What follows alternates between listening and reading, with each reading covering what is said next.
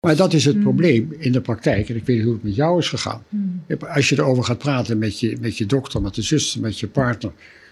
eh, dan word je afgewezen van wat een onzin. Dat is een droom, dat is een hallucinatie. Hou Ja. maar je mond, hier krijg je een spuitje, hier krijg je een tabletje. Of je gaat maar naar de psychiater. En dat is dus het probleem dat die ervaring wordt afgewezen omdat het niet past in het beeld wat jij op school hebt geleerd. Leuk dat je weer kijkt of luistert naar deze nieuwe aflevering van de Podcast of Hoop. Vandaag hebben we in de studio Pim van Lommel en Anke Merks. We gaan het hebben over bijna doodervaringen en de ware aard van het bewustzijn. Ja, en zij zitten hier samen in de studio omdat Pim van Lommel een boek heeft geschreven over bijna doodervaringen en hier alles vanaf weet. Daarentegen heeft Anke er zelf een meegemaakt. Podcast of Hope. Moving towards happiness. Ja, nou leuk dat jullie er zijn. Ja, Ja. Eh, onze podcast gaat over geluk. Eh, dus allereerst, is geluk een onderwerp wat jullie veel bezighoudt in het dagelijks leven? Oh, dat is een mooie vraag. Ehm, geluk houdt me niet bezig, maar meer ehm, aanvaarding dat wat is. Dat is misschien, Ja. ja, misschien wel hetzelfde eigenlijk. ja, ja dat geluk opzicht. is, het lijkt zoiets wat, wat je dan na moet streven. Mm. Ja, Oh ja, de- precies. Dus je, je, je Oh. streeft er niet, je bent gewoon tevreden met hoe het is, als het ware. liefst ben ik daarmee bezig. Ja. Ja, maar moet je daar heel erg mee bezig zijn, met tevreden zijn? Of is dat gewoon iets wat je bent en dan is het klaar? Ehm, nou, ik ben het niet altijd. Hè? Dat zou wel iets heel moois zijn. Ehm, eh, maar voor mij is het wel belangrijk om dat te voelen. Daar zit voor mij wel het geluk in, als ik het zo mag noemen. Als ik dat kan voelen. Ja, Het oké is hoe het is. ja. Ja mooi. Ja. En, en voor jou? Ja, voor mij, nou weet je, geluk hebben is weer wat anders dan gelukkig zijn. Uiteraard. Gelukkig, heb- geluk hebben is dat er iets mee zit. Ja. En gelukkig zijn is een, een, een, een diep gevoel van welzijn, van tevredenheid, van hoe het de dingen zijn. Ja. En dat ervaar ik eh, in stilte, in de natuur, zien van vogels, eh, reizen buiten, eh, vriendschap, eh, familie, liefde ervaren. Ja. Dat is gelukkig zijn. En er zijn dus zoveel omstandigheden dat je gelukkig kan zijn. Hebben die twee vormen iets met elkaar te maken? Nee, geluk hebben is meer, het zit mee. Ja. En gelukkig zijn is heel wat anders. Ja. Maar het zijn beide het woord geluk. Ja, ja. dat- Daarom ja. doe ik het onderscheid even. ja, en is het dat je bijvoorbeeld, dus wanneer je met familie bent, dan ben je gelukkig? Of is het, je bent gelukkig omdat je de mogelijkheid hebt om met familie te zijn? Je, je reflecteert nu terug en je bent gelukkig. Het is niet of-of, het is beide. Ja. Dus je bent gewoon gelukkig, als het ware. Ik ben, ja, ik ben in principe... Ik ben een gelukkig mens. Ja, Eigenlijk, eigenlijk bijna altijd. ja mooi. Positief en gelukkig. Ja. Ja, nou, we gaan het over bijna doodervaringen hebben. Ehm, dus misschien, en ja, ik kan me voorstellen dat dat op een of andere manier ook gelinkt staat aan geluk. Eh, maar daar komen we wel achter. Eh, maar allereerst, ja, voor de- iedereen die het niet weet, ik weet er zelf ook niet zoveel van. Wat, wat is een bijna doodervaring precies? Ik weet niet aan wie van jullie Nou, weet. dat tegenwoordig, we zullen het bijna, tegenwoordig eh, is de voorkeur eh, nabij de doodervaring. Omdat bijna dood kan je eigenlijk niet zijn. Hè? Het is near-death experience, dat was de terminologie uit Engeland, uit Amerika, Raymond Moody. Near-death is vertaald als bijna dood. Maar Ja. nabij de dood is eigenlijk veel beter, want near-death is nabij de dood. Eh, dus daarom is tegenwoordig heet het vaker nog nabij de dood. Maar ik heb altijd bijna doodervaring gezegd geschreven. Het maakt dus niet zoveel uit, maar wetenschappelijk gezien is nabij de dood. Want je kan niet bijna dood zijn. Ja, ik, be- ik begrijp dat het, dat het onderscheid misschien wel belangrijk is. Ja. Want anders heb je misschien ook het gevoel van... oh, ik ben bijna aangereden door een auto. Dit was een bijna doodervaring. Precies, ja. Maar Ja. het is dus nabij de dood is beter. Maar nabij de doodervaring eh, is een ervaring... eh, dus de genoemde herinnering noem ik het altijd aan een bijzondere bewustzijnservaring. Met universele elementen. Dat houdt in eh besef dood te zijn. Mhm. Eh, soms in een donkere ruimte zijn. eh, Het ervaren van een tunnel waar je doorheen gaat naar het licht wordt getrokken. Het ervaren van helder licht, onvoorwaardelijke liefde, soms een wezen van licht. Ontmoeten van overleden dierbaren, daarmee communiceren. Eh, je leven terugzien, een levensterugblik. Soms een levensvooruitblik, toekomstbeelden. Ontmoeten van een grens, soms, en dan hoor je vaak, krijg je te horen van het is je tijd nog niet, je moet nog terug. En dan de bewuste terugkeer in je lichaam, wat vreselijk is, want opeens zit je van de pijn van een verkeersongeluk of de pijn van een hartinfarct. En dit soort ervaringen worden meestal beschreven, met name wetenschappelijk, door eh, eh, worden ervaren in ernstige kritieke medische situatie. Hartstilstand, coma door verkeersongeluk, coma door ontsteking in de hersenen, coma door hersenbloedingen, beroertes, eh, bij de verdrinking bij kinderen, ernstig bloedverlies bij eh, gecompliceerde geboorte bij vrouwen. Al worden dit soort ervaringen ook beschreven zonder duidelijke kritieke medische situaties, zoals eh, meditatie, ernstige depressie, existentiële crisis, eh, isolatie, schipbreukelingen, Ja. astronauten, Mitchell en Glenn hadden dat ook. Eh, gewoon wandelen in de natuur kan het ook. Dus je hoeft niet bijna dood te zijn of bijna om zo'n ervaring te hebben. Ja. Maar voor wetenschappelijk onderzoek is de kritieke medische situatie, met name aan hartstilstand, belangrijk, omdat je dan ook kan filosoferen over de relatie tussen hersenen en bewustzijn. Ja. ja, het klinkt een beetje als dat wat mensen zeggen als je dan op je sterfbed ligt en dus je dan door dat witte licht heen gaat. Maar dat je, ik, ja, misschien is dat een beetje een oppervlakkige vergelijking, maar zo klinkt het een beetje voor mij. En dat, maar dat je dus dan niet dood bent daarna. Je leert dus dingen die je dan meeneemt. Dat kan. Ja. Ja, ik weet niet of ik het goed zeg. Dus de, ja. de elementen die, die eh, Pim noemt, ehm, je kunt ook delen daarvan ervaren. Hmm. Dus sommige mensen die hebben een, ehm, die, die treden uit hun lichaam en zien hun eigen lichaam en zijn in het donker en keren dan weer terug. En anderen die eh, gaan door een tunnel en komen in een andere werkelijkheid en maken daarvan allerlei dingen mee. Een, een terugblik over het leven, maar misschien ook een voorschouw naar wat er nog gaat komen. Of ontmoeten mensen, zoals Pim net noemde, en gaan dan pas terug. Dus de, ik noem het maar de ingrediënten Mhm. van zo'n ervaring zijn bij mensen verschillend. Ja. Ja. Ja, want ja, jij bent, hebt zo'n ervaring gehad. Ja, Ja, kun je daar misschien wat meer over vertellen? Hoe, was dat voor jou? ja ehm, ik probeer het een beetje kort te vertellen. Ehm, ik was eh, vijf jaar en ik had eh, het waterpokkenvirus. En dat virus is bij mij naar binnen geslagen. Dus mijn hersenen waren ontstoken. En ehm, de eerste herinnering, hè, het eerste moment wat ik zo terug kan halen, is dat ik in de hoek van mijn slaapkamer was. Ik wist toen niet dat het mijn slaapkamer was, maar ik was in de hoek van een kamer en ik zag een kindje in bed liggen. En het gekke was is dat ik niet doorhad dat ik dat was. Dat duurde even. Maar het was goed. Het was warm en liefdevol en vredig. Nou moet ik even denken aan geluk. het was goed. Een diep gevoel van het is goed. Ja, want die En- ervaringen zijn altijd op die manier eh, goed. Dus, Dat kan ook anders. Daar komen we zo eh, nog even op terug. Ja, kan ook anders. Ehm, en op een gegeven moment realiseerde ik me, hé, maar dat ben ik. En zelfs dat was goed. Meer dan goed. Dus ik werd niet bang of angstig of onrustig. En op een gegeven moment voelde ik een soort van trekkracht achter me. Een soort magneet. En ehm, ik ging door het plafond heen en, en eh, ik kwam in een soort van donkerte terecht en ik ging steeds harder achteruit. Ehm, dus exponentieel versnelde dat. En wat ik me vooral daar nog aan herinner is, het, is de trilling van snelheid. Ik weet niet of je dat kent als je ergens heel hard. Ik hou ook heel erg van achtbanen. Nou, ik weet waarom. Ehm, is dat, dat die, die sensatie weer even terugkomt. Dus supersonisch snel op een gegeven moment. ja. En toen kwam ik in een, in een licht terecht, in een, in een heel, veel, ja, heel lichte omgeving. ehm, waar ik alles in één keer kon aanschouwen. Ik noem het ook wel eens een panorama. Ik weet geen ander woord daarvoor, maar ik kon alles overzien. En in, die, in dat licht eh, kon ik op een gegeven moment verschillende kleurschakeringen zien. En later, toen ik toen kreeg mijn zus, mijn zus kreeg toen volgens mij zo'n zo'n ehm, lavalamp. Ik weet niet of je dat nog Ja. kent. En dan zit er zo'n zo'n fluïde vorm in. En dat had ik gezien. Dus ik zag kleurschakeringen in zo'n vloeibare vorm. En, eh, en dat was, die waren allemaal bekend voor mij. Dat waren anderen. Dus geen mensbeelden, maar kleuren.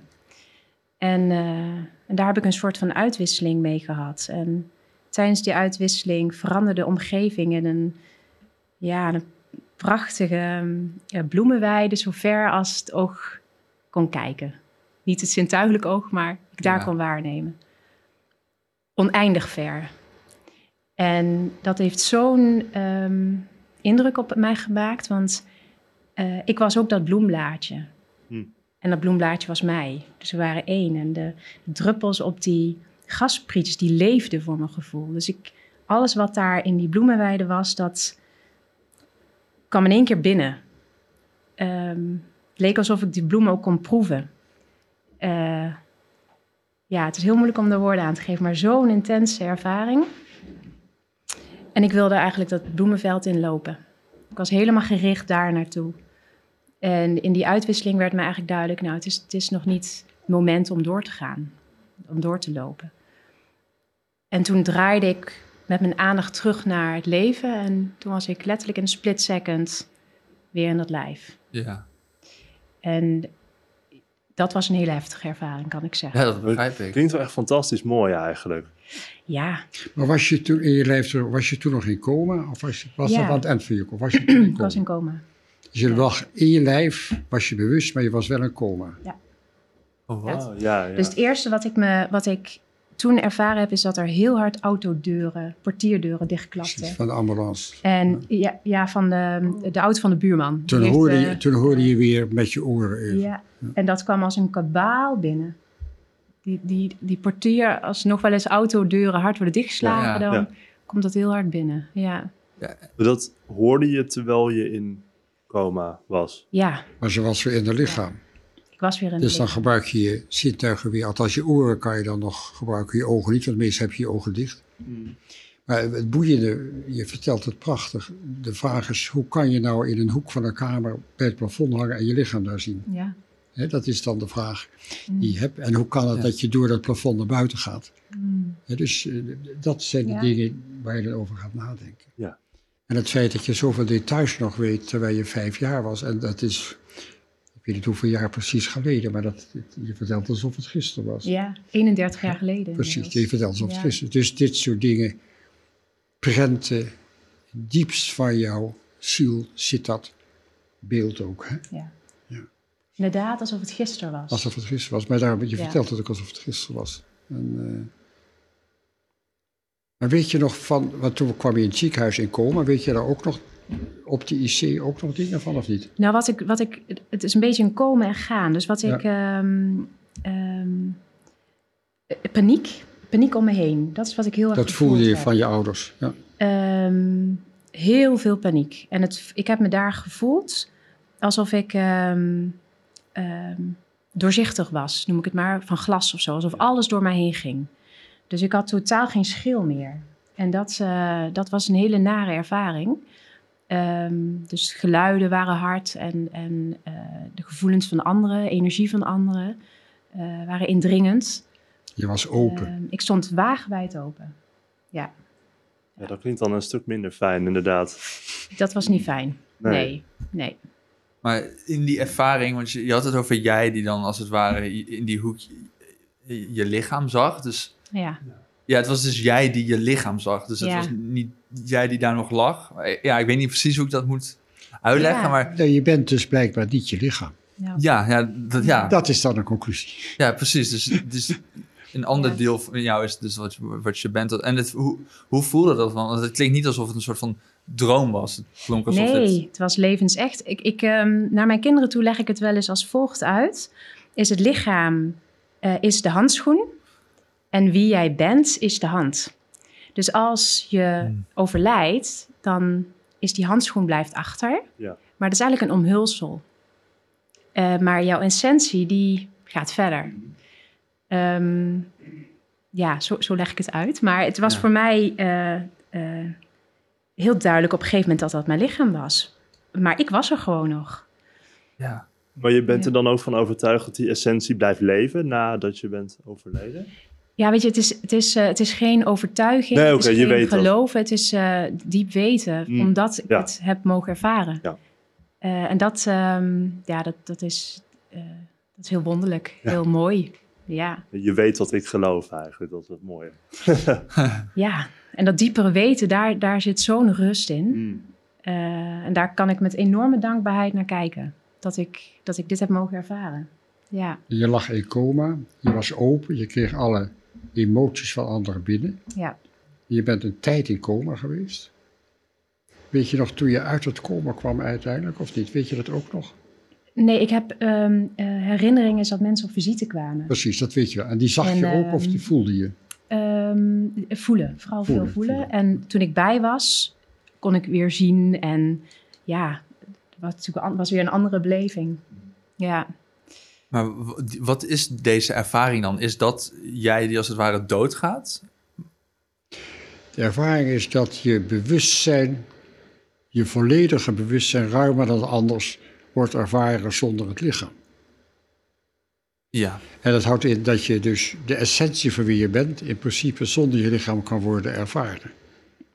En dan de volgende vraag is, als je lichaam dus niet functioneert, of als het blijvend niet functioneert, dus als je dood bent, wat gebeurt er dan met je bewustzijn? En Ja. dit soort ervaringen tonen aan dat het bewustzijn, een volledig ruimer bewustzijn dan je ooit hebt gehad, ervaren wordt op het moment dat je lichaam niet functioneert of tijdelijk niet functioneert, zoals in dit geval. Als je hersenfuncties totaal zijn uitgevallen bij een ontsteking van je hersenen, dus een encefalitis, dan kan je in principe geen bewustzijn ervaren. Dat is helemaal geblokkeerd, net als bij een hartstilstand. En toch voelde zij de omgeving, ze voelde de emoties, ze voelde de dingen. Ze was er wel met haar bewustzijn. Ja. Dat is in tegenspraak met wat we op de universiteit leren. Maar daar leer je dat het bewustzijn een product is van de hersenen. Als de hersenen uitvallen door een hartstilstand of door enzovoort, door coma, dan kan het niet dat je bewustzijn ervaart. En dit soort ervaringen moet je aan het denken zetten. Want het is wel zo dat bij zo'n ervaring het brein ook echt helemaal uit is. Of is dat niet altijd het geval? Eh, bij een hartstilstand is het brein uit. ja, dus na, na 20 seconden. Ja, dus als je het hart stilstaat, dat, er zijn ook onderzoeken geweest met hartstilstand eh, in induced cardiac arrest, dus dat je een hartstilstand opwekt. Bijvoorbeeld bij het drempelmeten van inwendige defibrillatoren. In het begin moest je dan, dan een, eh, mensen met levensgevaarlijke ritmestoornissen kregen een ICD. En dan moest je weten dat die inderdaad afgaat als je ritmestoornis hebt. Dus wat ze dan deden, ze brachten zo'n slangetje in. In die tijd was het nog met een hartchirurg. En dan mag- bracht je mensen in een hartstilstand en dan kijken hoe je precies de drempel moest zetten dat hij het zou doen. En die mensen hebben ze die proeven gedaan met het meten van een EEG ook. En dan zie je dus dat na 10 tot 20 seconden het EEG een flatline is, dus volstrekt geen elektrische activiteit meer. En bij een eh, hartstilstand, als je de bloedstroom naar de hersenen meet hier aan de halsslagader, is hij nul in één seconde. De mensen zijn bewusteloos binnen een paar tellen. De lichaamsreflexen zijn uitgevallen. Die wordt helemaal slap. Dat is een functie van de hersenschors, van de cortex. De hersenstamreflexen zijn uitgevallen. De worgreflex, je kan iemand een vinger in de keel ste- steken zonder dat iets gebeurt. De corneareflex, lichtstijve pupillen die niet op licht dat zijn hersenstammen, zijn ook uitgevallen. De ademhaling, het ademhalingscentrum is bij de hersenstam, is ook uitgevallen. Mensen ademen niet meer. Dus het klinisch beeld is een volledige uitval Ja. van alle hersenfunctie, hersenstam, hersenschors, plus elektrische activiteitsweg. En op dat moment hebben de mensen dus een ervaring van bewustzijn helderder dan ooit. En het verhaal met een encefalitis is hetzelfde ook. Dan heb je wel wat activiteit nog waarschijnlijk. Maar niet een coördinerende activiteit, zodat je bewustzijn in je lichaam kan ervaren. Want de coördinatie is weg bij een encefalitis. Dus je kan alleen een waakbewustzijn ervaren als er communicatie is tussen alle verschillende hersencentra in de hersenschors. En dat valt uit bij dit soort gevallen. Ook bij een hersenvliesontsteking, maar ook bij een, een hersenontsteking. Dus het zou niet kunnen wat ze vertelt. nee, nee, precies. en toch is het gebeurd. En ja. toch is het gebeurd. Ja. Ja. precies. Want wat wordt daar nu mee gedaan? Bijvoorbeeld ehm, op school tijdens eh, een vak zoals cognitiefilosofie leren we ook dat dualisme is een verouderd idee. Dat je bent inderdaad je hersenen. Dat is, daar, daar is geen twijfel eigenlijk over mogelijk, maar blijkbaar niet. Ehm, hoe wordt er gekeken naar, naar bijna doodervaringen? Hmm. Ja, ik denk dat, dat we daar misschien een splitsing kunnen maken is vanuit, vanuit wetenschap, hè? Mhm. zoals je het eh, eh, stelt. Maar er is ook nog een, een stuk hoe er naar wordt gekeken in maatschappij en in zorgverleners. Ja, natuurlijk. Ja, Ehm, dus wat zullen we eerst doen? ja Nou, weet je, de eerste is wat is je definitie van wetenschap? Ja. hm, En wat, waar jij het over hebt, dat noemen we de materialistische wetenschap. Hmm, ja. Dat is een wetenschap die alles verklaart uit de materie. ja. Dat is nog steeds de overheersende vorm van wetenschap in de westerse wereld. En dat betekent dat het bewustzijn een product is van de hersenen. En wat we ervaren als bewustzijn, wat jij ervaart, is een illusie. ja, precies. En eh, dat, is, dat bestaat niet zelfstandig. En eh, wat je vertelt, dat maakt me altijd weer ongelukkig. Dat je op school leert dat hersenbewustzijn hetzelfde is. Dat is dus fout. Ja, Dat is met de moderne inzichten is achterhaald. Dus wat we tegenwoordig hebben, dat heet dan de postmaterialistische wetenschap. Dat betekent dat we subjectieve ervaringen, wat je denkt en wat je voelt, meenemen in de wetenschap. De subjectieve ervaringen horen erbij en niet alleen objectief. Want de huidige materialistische wetenschap gaat uit van wat je kan objectiveren, wat je kan meten, wat je kan dupliceren en wat je kan falsificeren. ja. Maar wat je denkt en voelt, kan ik niet objectiveren, niet meten, niet, niet dupliceren en niet falsificeren. Dus dat valt buiten de wetenschap. Jouw bewustzijn valt buiten de huidige wetenschap. ja precies. Dat is het probleem. Dus we gaan de wetenschap, zijn we wereldwijd aan het veranderen. Ja, maar ik zou dan zeggen dat is dan gewoon niet waar wetenschap voor is. Eh, eh, Dat is wetenschap. Wetenschap is de wetenschappelijke denkmethode. Ja, Wetenschap is meer dan alleen de materie. Dus het is de, de, de, de als mensen zeggen iets is niet wetenschappelijk, dan vraag ik altijd wat is je definitie van wetenschap? ja, dat, ja. En de wetenschap, zoals de meeste mensen bedoelen, is materialistische wetenschap. En dat betekent dat jij geen gevoel en geen eh gedachte hebt, want dat kunnen we niet bewijzen. ja of, Dus je bent of een is- robot. Of niet alles is te achterhalen door alleen maar wetenschap. Nee, maar het is wetenschappelijke methode waar ik het over heb. Hè, dus het is de, de first person, de eerste persoon ervaring. Wat zij vertelt. Dat is puur om open voor te staan Mm. en voor te accepteren. En dan alleen is het probleem is dat haar verhaal niet past in de huidige materialistische wetenschap. Ja. Ja, Dus bestaat het niet. Dus is het onzin wat ze vertelt. Ja. Of je zegt, het bestaat wel, Mm. hoe kunnen we het verklaren? En dan ga je er dus wetenschappelijke discussie aan en gaat de huidige materialistische wetenschap wordt onderuit gehaald. Het is een expanding side, het is het uitbreiden van de huidige wetenschap. Dus het is niet het afwijzen van materialistische wetenschap, wat er is vreselijk mee, veel meer bereikt. Maar het is het uitbreiden van de wetenschap met subjectieve ervaring. ja nou, dat klinkt heel belangrijk. Want tijdens het eten eh, zei je volgens mij dat er 600.000 mensen in Nederland ongeveer bijna, bijna doodervaring hebben gehad. Ja. Ja, het klinkt wel problematisch als, als die 600.000 ervaringen gewoon worden weggeschoven. Ja. Als, Maar dat is het probleem in de praktijk. En ik weet niet hoe het met jou is gegaan. Als je erover gaat praten met je, met je dokter, met de zuster, met je partner.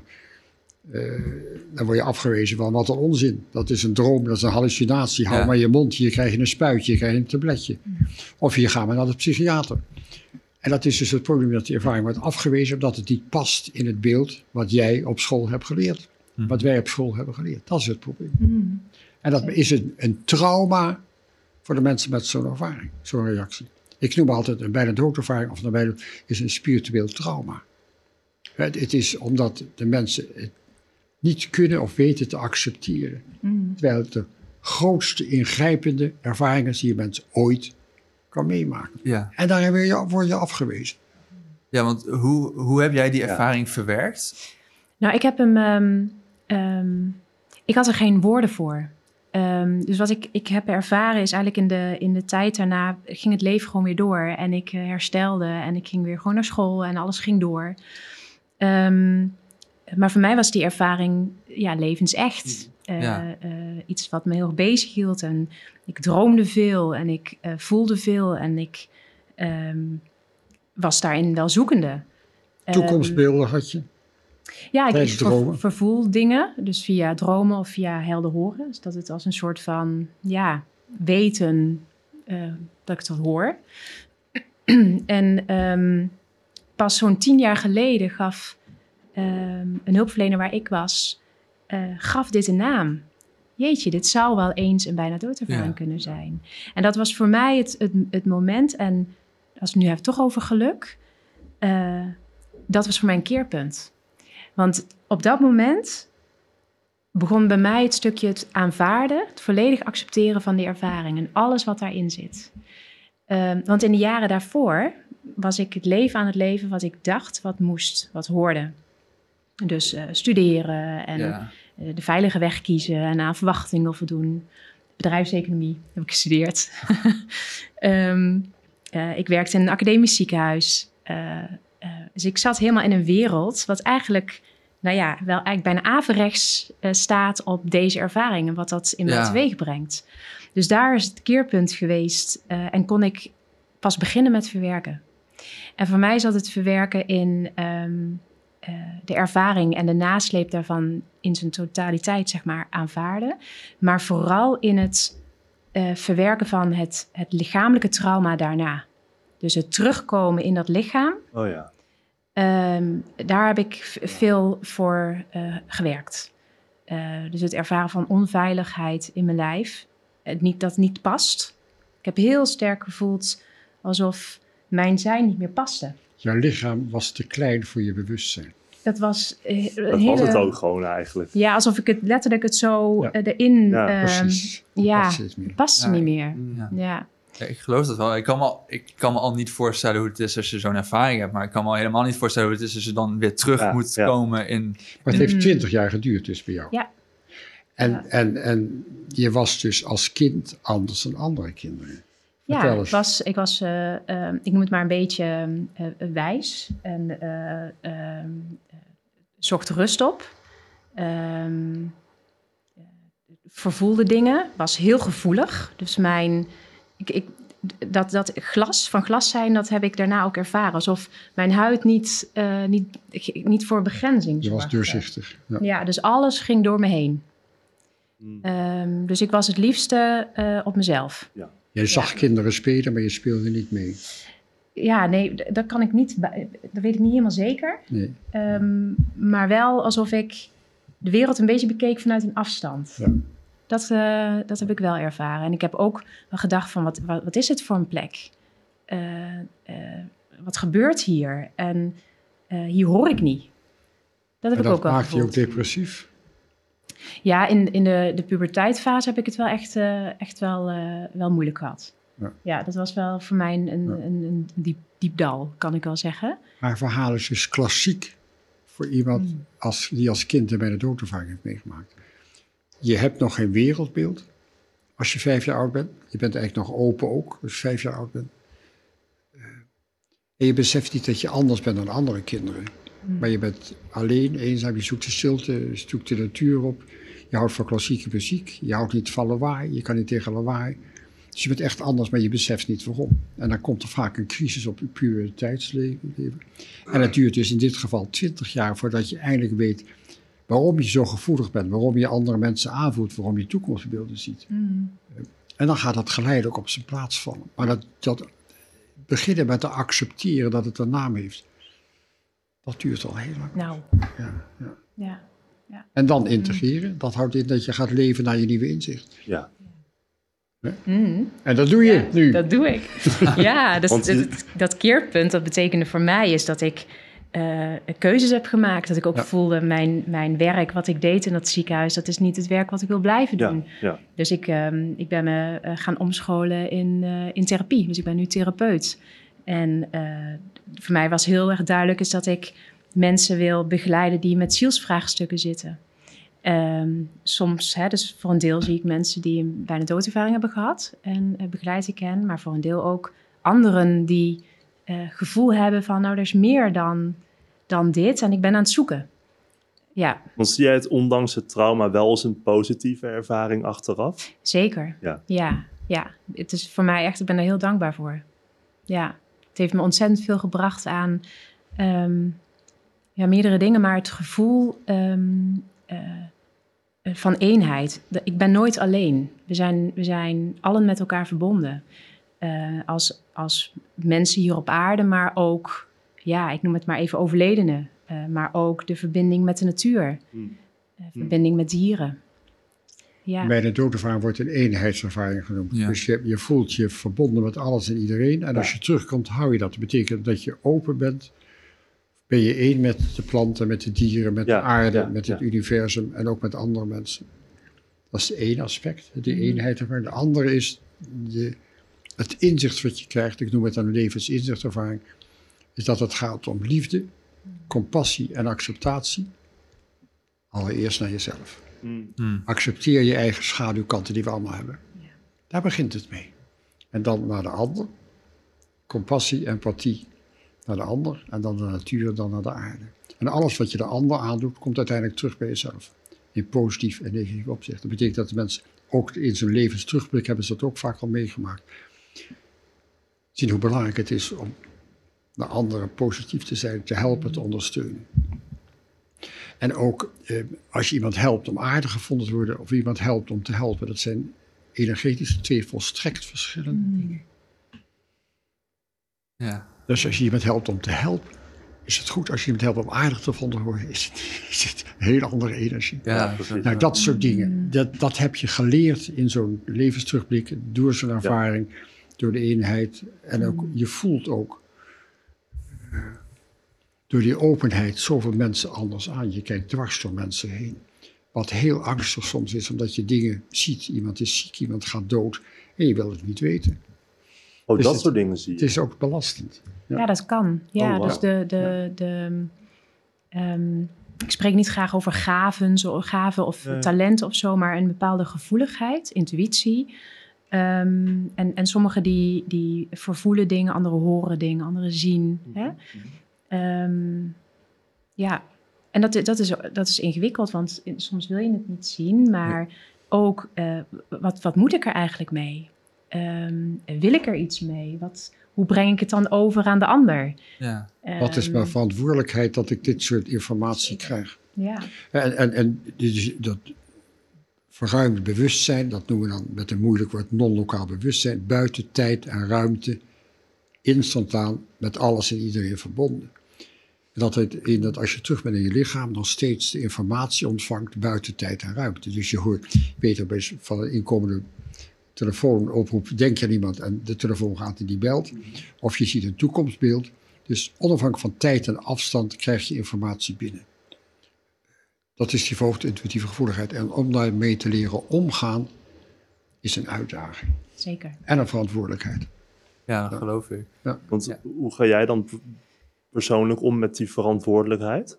Nou, wat, waar ik heel veel aan heb gehad, is ehm, ehm, allereerst in mezelf ehm, eh, toelaten dat ik niet altijd open hoef te staan. Mhm. Dus ik heb mezelf ook aangeleerd hoe ik mezelf wel kan begrenzen. Ja, ja. Zonder dat ik aan het strijden ben, ehm, maar dat mijn velletje of zelfs daarbuiten, eh, dat het ook af en toe even dicht mag. Mhm. Af en toe mogen mijn luiken ook even dicht.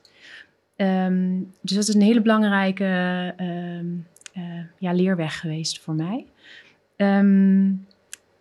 En doordat ik er al zo lang zeg maar, mee eh, te maken heb en het ermee om moet gaan, heb ik er wel een weg in gevonden. En voel ik ook heel zuiver, oké, dit voelt voor mij oké of niet. Ehm, eh, of eh, eh, dit wil ik wel delen en dit niet. Ik, ik, ik denk ook steeds beter te kunnen voelen tegen wie ik eh, vertel dat ik deze ervaring heb gehad. Eh, dus daar, daar, daar, daar doseer ik in.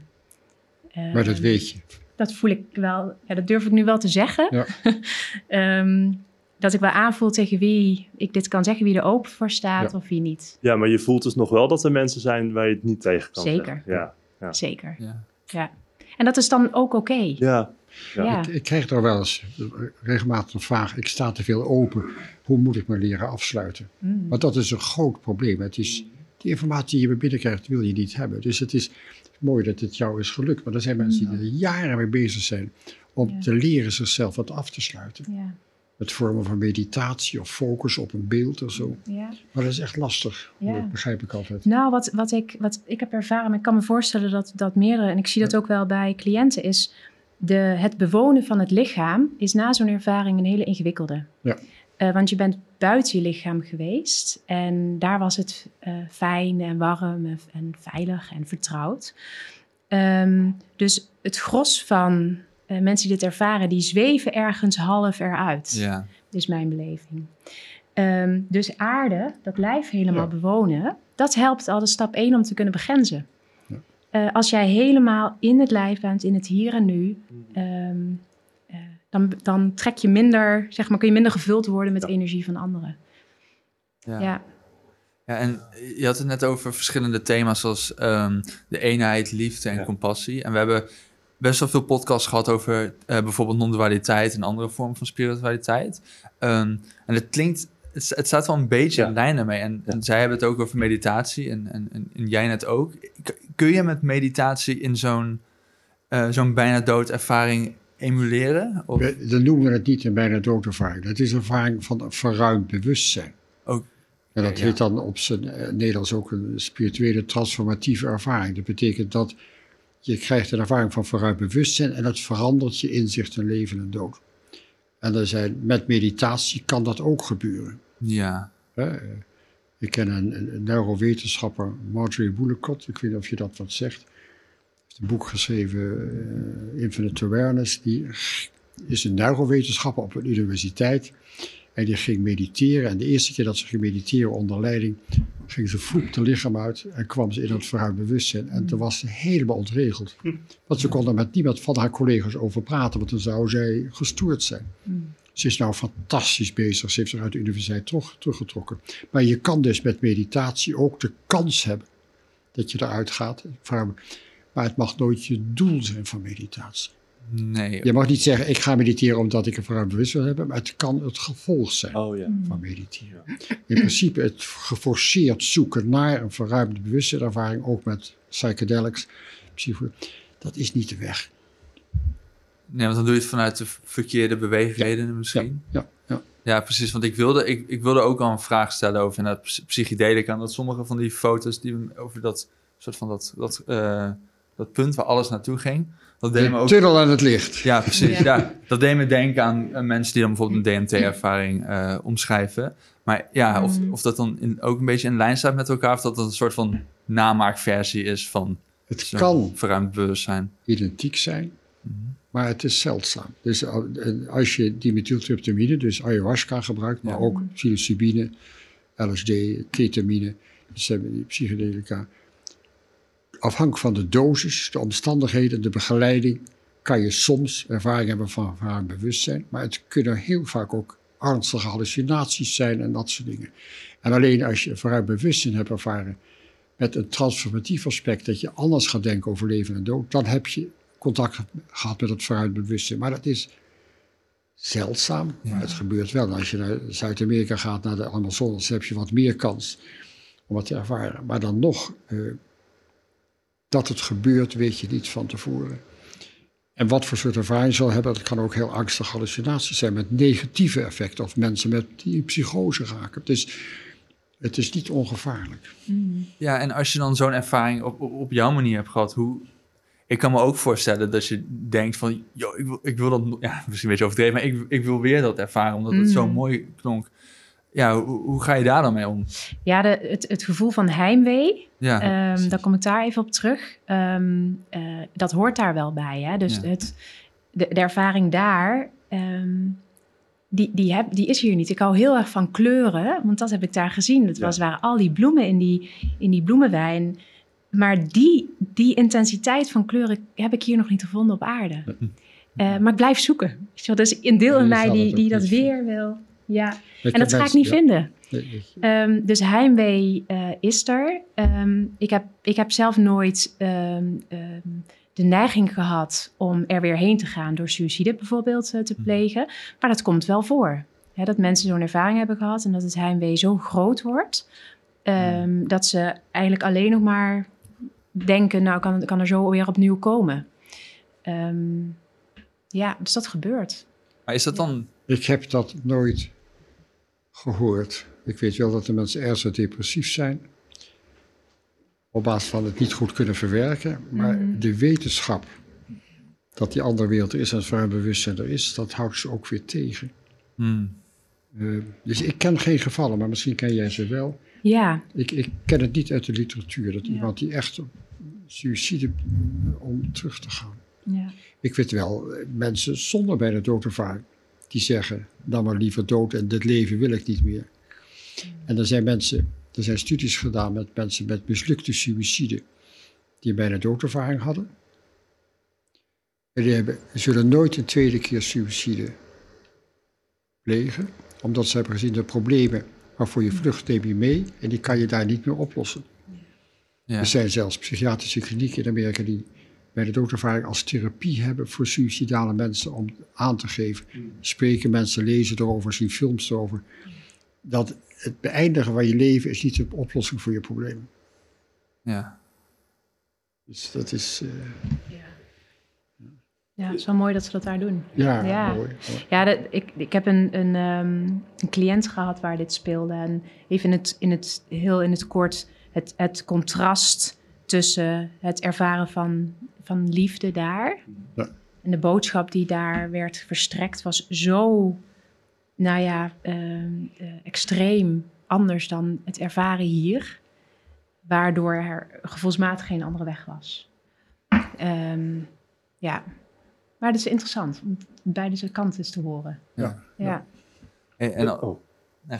Er is natuurlijk niemand die dit kan vertellen, maar zijn jullie ervan overtuigd dat wanneer je daadwerkelijk doodgaat, je ook zo'n ervaring krijgt, maar dan zonder terug te keren? Nou ja, dat, dat noemen we dan de postmortale ervaring. Hè? Dus mensen die overleden zijn, de, de ver- achterblijvers, de familie. Een zeer grote kans dat je de eerste dagen, weken of maanden na het overlijden contact hebt met het bewustzijn van de overleden persoon. Met communicatie. Op zijn Engels after-death communication. Dus postmortale ervaring. Er zijn waarschijnlijk zo'n 2 miljoen mensen in Nederland met zo'n ervaring. Meestal is het s'nachts. Dat als je slaapt is de drempel lager. Dus de mensen kunnen makkelijker binnenkomen in jouw bewustzijn. Oh, zo ja. Dus ze zeggen, ik heb gedroomd van hem. Maar het is een zodanige ervaring dat je het nooit vergeet. Een droom vergeet je, maar dit vergeet je niet. Er kunnen objectieve feiten worden meegedeeld. Maar vaak komen ze alleen maar terug om te zeggen, het is goed met mij, maak je geen zorgen. Ik ken ook verhalen van kinderen die jong zijn gestorven, hun hele leven lang bij de ouders aanwezig zijn. En als er een probleem is, dan raadplegen ze dat overleden kind. Als raadgever is ze nog steeds aanwezig. Dat zijn dus objectieve aantonen van het feit dat het bewustzijn er altijd zal zijn. Overal. Ook je bewustzijn nu is in jou en om jou altijd aanwezig. Net als het internet is in jou en om jou aanwezig. Op dit moment altijd overal. Alleen heb je een functionerend instrument, een brein nodig om een gedeelte van de informatie als waakbewustzijn te ervaren. ja. Maar het is altijd overal. Ja, dus het is niet alleen de nabestaande die dus de overledene ervaart, maar het is ook dus het bewustzijn van de overledene die Ja. dat daadwerkelijk ook zelf ervaart. En ook, ook, jij noemde net even het sterfbed ook. Er zijn mensen in een stervensfase, dat heet een sterfbedvisioen of een levenseindervaring. Die, die worden opgehaald door overleden partner of overleden ouders. En dan praten ze, communiceren ze mee, zien ze het licht. En dan, dat is meestal de periode vlak voordat ze doodgaan. Dus dat is ook weer, laten we zeggen, daar kunnen ze mee communiceren, kunnen ze over praten. Hé, hey, mama was hier, of eh, mijn overleden kind was hier, die komt me ophalen. Het is ook het, het reisverhaal wat ze dan vertellen. Dus eh, er zijn zoveel aanwijzingen, maar je moet er open voor staan en je moet het kunnen interpreteren. En ook die levenseindervaringen worden zelfs in hospices vaak nog gezien als hallucinatie, verwardheid, terminale verwardheid, bijwerking medicijnen. In plaats van, we weten nu dat 90% van de mensen die op het sterfbed dit soort ervaringen hebben, maar vaak niet over communiceren. Dus je hele inzicht in leven en dood en de rol van bewustzijn wordt anders als je open staat en accepteert dat die ervaringen bestaan. Ja. Ja. En, stel je voor, je luistert nu en er, er valt een, een, kwartje. Ja, er zijn 600.000 mensen dus in Nederland die zoiets hebben meegemaakt. Ja, wa- wat moet je dan doen? Ja, nou allereerst ehm, prachtig dat, eh, dat diegene nu deze podcast hoort. Ehm, en ik raad diegene vooral aan om eh, hier meer onderzoek in te doen, om boeken te lezen, om op internet naar interviews te kijken, naar eh, nou ja, video's. ehm, zodat het er mag zijn, zodat er ook een soort herkenning, maar vooral erkenning komt voor die ervaring. En het weten dat eh, zoveel mensen dit dus meemaken. Ja. Ehm, het is helemaal niet zo heel, heel zeldzaam. Ja. Nee. En het feit dat je weet dat er ook andere mensen hebben. Het is, is een organisatie in Nederland, het netwerk en de netwerk nabij de doodervaring. Die organiseren twee keer per jaar een bijeenkomst met 80 tot 100 mensen, allemaal met beide doodervaringen. Hoef je niks uit te leggen, kan je gewoon praten over wat je weet. Ja. Eh, ze hebben een kwartaaltijdschrift, ze hebben een website. Ze kunnen mensen begeleiden als het nodig is. Eh, dus je moet die, het feit dat je weet dat je zo'n ervaring hebt gehad, als dat, als dat kwartje valt, dan is er genoeg informatie op internet te vinden. Eh, en moet je proberen iemand te vinden die daarna kan luisteren, die er open voor staat. Kijk, 70% van de mensen met bijna doodervaring raakt een echtscheiding. Omdat de partner zegt, het is niet meer de persoon die ik tevoren kende. Hmm. Heel ander interesse, andere belangstelling, volstrekt veranderd. Zo was niet de persoon. Dus nou is hij niet meer geïnteresseerd in een groot huis en een, een, een mooie dure auto en mooie kleren. Maar dan gaat hij opeens praten over de natuur, en over biologisch voedsel en over... En het, het- zo ben ik niet getrouwd. Klinkt als een verbetering. Dus het, het, het, het, het geeft enorm veel persoonlijke consequenties, zo'n ervaring. Als Ja. je daarna gaat leven. Eh, dus je, je raakt een hoop vrienden en familie en partners soms kwijt. En je krijgt wel nieuwe vrienden. Eh, en soms ook een nieuwe partner. Maar het, het, is, het zet je leven letterlijk op zijn kop. Ja, dat geloof ik. Als je het, of je verzwijgt het, je verstopt het weg. Maar dan weet je dat je meer probeert te voldoen aan de uiterlijke wereld. En niet luistert naar je eigen gevoel en je hart. En, eh, en als je het gaat accepteren, dan ga je, durf je naar je eigen hart te luisteren en dat eh, te leven. Ja, dus het Ik belangrijkste, zie alleen maar knikken. Mooi hoe je het verwoordt, Pim. Ja. nou, het belangrijkste is dus accepteer het en, en zoek iemand eh, eh, met wie je erover kan praten. En lezen over. ja. Ja, Dus, dus luister naar, kijk naar podcasts, lu- luister naar YouTube-films, luister naar interviews. eh, de televisieprogramma's zijn allemaal te vinden, op, eh, ook op mijn website. Eh, maak er gebruik van, van de informatie die er is. En dan kan je er vanzelf mee verder aan, de- mee aan de gang. ja. Nou, we zijn een beetje aan het einde gekomen en we vragen altijd onze gasten een voorwerp mee te nemen. Wat gaat het snel, hè? Ja, ja. Ja, we zijn eigenlijk Ja. We beginnen net. Ja, Ja. precies. Ja, en dit gaat eigenlijk, ja, dus een voorwerp waar jullie of gelukkig van worden, inspiratie uithalen. Eh, ja. Ja, dus wie wil beginnen? Jij maar. zal ik beginnen? Nou, ik heb een, ehm, een klein ja, speldje meegenomen die van mijn opa is geweest. Die zat eh, bij de scouting. En ehm, als ik dit, ik heb dit altijd in mijn portemonnee en die heb ik eigenlijk altijd bij me, dus dit is altijd bij me. En met mijn opa had ik een, een diepe zielsverbinding. Hmm. En ehm, ja, dat, dat voelen, dat brengt mij geluk. Ja. Ehm, met hem in het bijzonder. Ehm, maar ook de verbinding, wat ik je net, hè, wat ik net vertelde, is verbinding met anderen, verbinding met natuur, verbinding met dieren. Eenheidservaring, dat hoort hier ook bij. Ja, dus het staat niet alleen symbool voor de relatie met je opa, maar eigenlijk met de relatie tot alles. Ja, in het bijzonder Ja, met Heb je opa. nog contact met je opa? Ehm, ja, en dat is wel een hele mooie vorm. Mijn opa was helemaal weg van, eh, van eh, muziek. En eh, zo had hij ehm, eh, lievelingszangers en muziek. En eh, af en toe kan op, een- op een moment sta, zijn, dan zet ik de radio aan. En op een moment dat het, dat het nou ja, past, noem ik het maar even. Ja. Of dat ik even, ja, dan is zo'n nummer. eh, Je hoort Ja. soms zelfs, als de radio uitstaat, dat hij lievelingsmuziek gaat tonen terwijl die uitstaat. Ja, Ja. dat soort dingen. hè. ja, bijzonder hè? ja, prachtig. Ja, ja dus hij Oh, voelt, ja. eh, opa voelt het nog steeds heel dichtbij. Zeker, Heel goed. ja. Ik heb dit meegenomen, Een ank. Ah, een ank. ja. Eh, ik ben ooit ook in Egypte geweest. En dit symbool is 5000 jaar oud. Het is 3000 voor Christus, was het al bekend. Eh het werd meegegeven in het graf. En dat was een symbool van eeuwig leven. Eh, ook hier de aarde en, en de ziel, maar ook, het werd ook als spiegel gebruikt, wel altijd het idee, want ze zei, het leven na dit leven is als een spiegel van het leven wat je hebt geleefd. Hmm. Het is ook, in, in Egypte zie je ook de, de weegschaal, hier je hart en daar een veer. Ja, de vier, ja. En eh, dat moet in evenwicht zijn. Dus als je niet goed hebt geleefd. Dan... Ja, ja, ja. Dus het anker is een symbool van, van leven en van eeuwig leven. En ik vind het zo'n prachtig eh, symbool. En eh, de Koptische kerk heeft het ook overgenomen. Mhm. Ja, dat is een beetje dat mijn symbool van eh, het houdt niet op. Met de, de, de dood is het einde van je lichaam. Maar de dood is niet het einde van je bewustzijn. Bewustzijn heeft geen begin, heeft geen einde. Het is er altijd geweest, zal er altijd zijn. En er zijn steeds meer mensen die contact hebben met dat verhoogde, verruimde, non-lokale, eindeloze bewustzijn.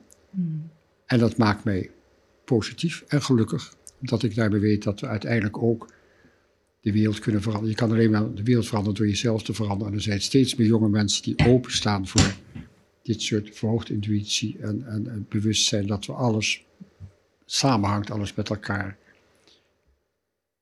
ja, in eenheid is. Ja, En, en als we dat maar ervaren en daarna gaan leven, dan krijgen we een betere toekomst. ja. Geweldig. Ook voor de kinderen en de kleinkinderen. Zoals we tijdens het eten zeiden, u bent optimistisch en het komt allemaal Ik, goed. ik ben Precies. optimistisch, ja. Maar het is niet eenvoudig. En het zal zeker nog wat hobbels zijn. Ja. Eh, maar uiteindelijk dat, denk ik dat de jongere generatie... Dit is ooit... Max Planck, de, de grondlegger van de eh, kwantumfysica, heeft ooit gezegd... eh, een nieuwe theorie, een nieuwe inzicht... wordt niet zomaar geaccepteerd. Maar op het moment dat de oudere generatie is overleden... zal de jongere generatie het als normaal accepteren.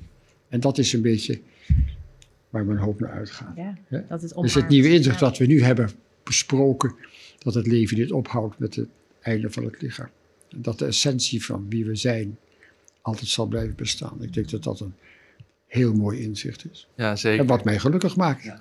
En wat haar gelukkig Ja, maakt. zeker. En wat mij ons beiden gelukkig maakt. Zeker. En mij Ja. nu ook, ja. En jullie Ja. ook. Ja, geweldig. Ja, Nou, dat is wel heel, een mooie opbrengst. Ja. Ja. Ja, heel erg bedankt dat jullie langs zijn Ja, heel erg bedankt. Ik vond het heel erg waardevol. graag gedaan. Super, heel graag gedaan. Bedankt voor het kijken of luisteren naar deze aflevering van de Podcast of Hoop. We hopen dat je ervan hebt genoten of misschien wel geïnspireerd door bent geraakt. Iedere zondag om 10 uur komt er een nieuwe aflevering online op YouTube, Spotify en op al je andere favoriete podcast-apps. Ook kun je ons vinden op www.podcastofhoop.nl. Tot ziens en veel geluk! De wereld waarin we leven biedt nog geen gelijke kansen. Voldoende eten en drinken. Een adequate opleiding. Goede gezondheidszorg. Vrede en geluk is niet voor iedereen weggelegd. Maar stap voor stap wordt het beter. En zijn we op weg naar een octopische samenleving waarin iedereen zijn of haar leven als goed kan beschouwen. Het is een lange reis, maar we zijn op weg. Podcast of Hope. Moving towards happiness.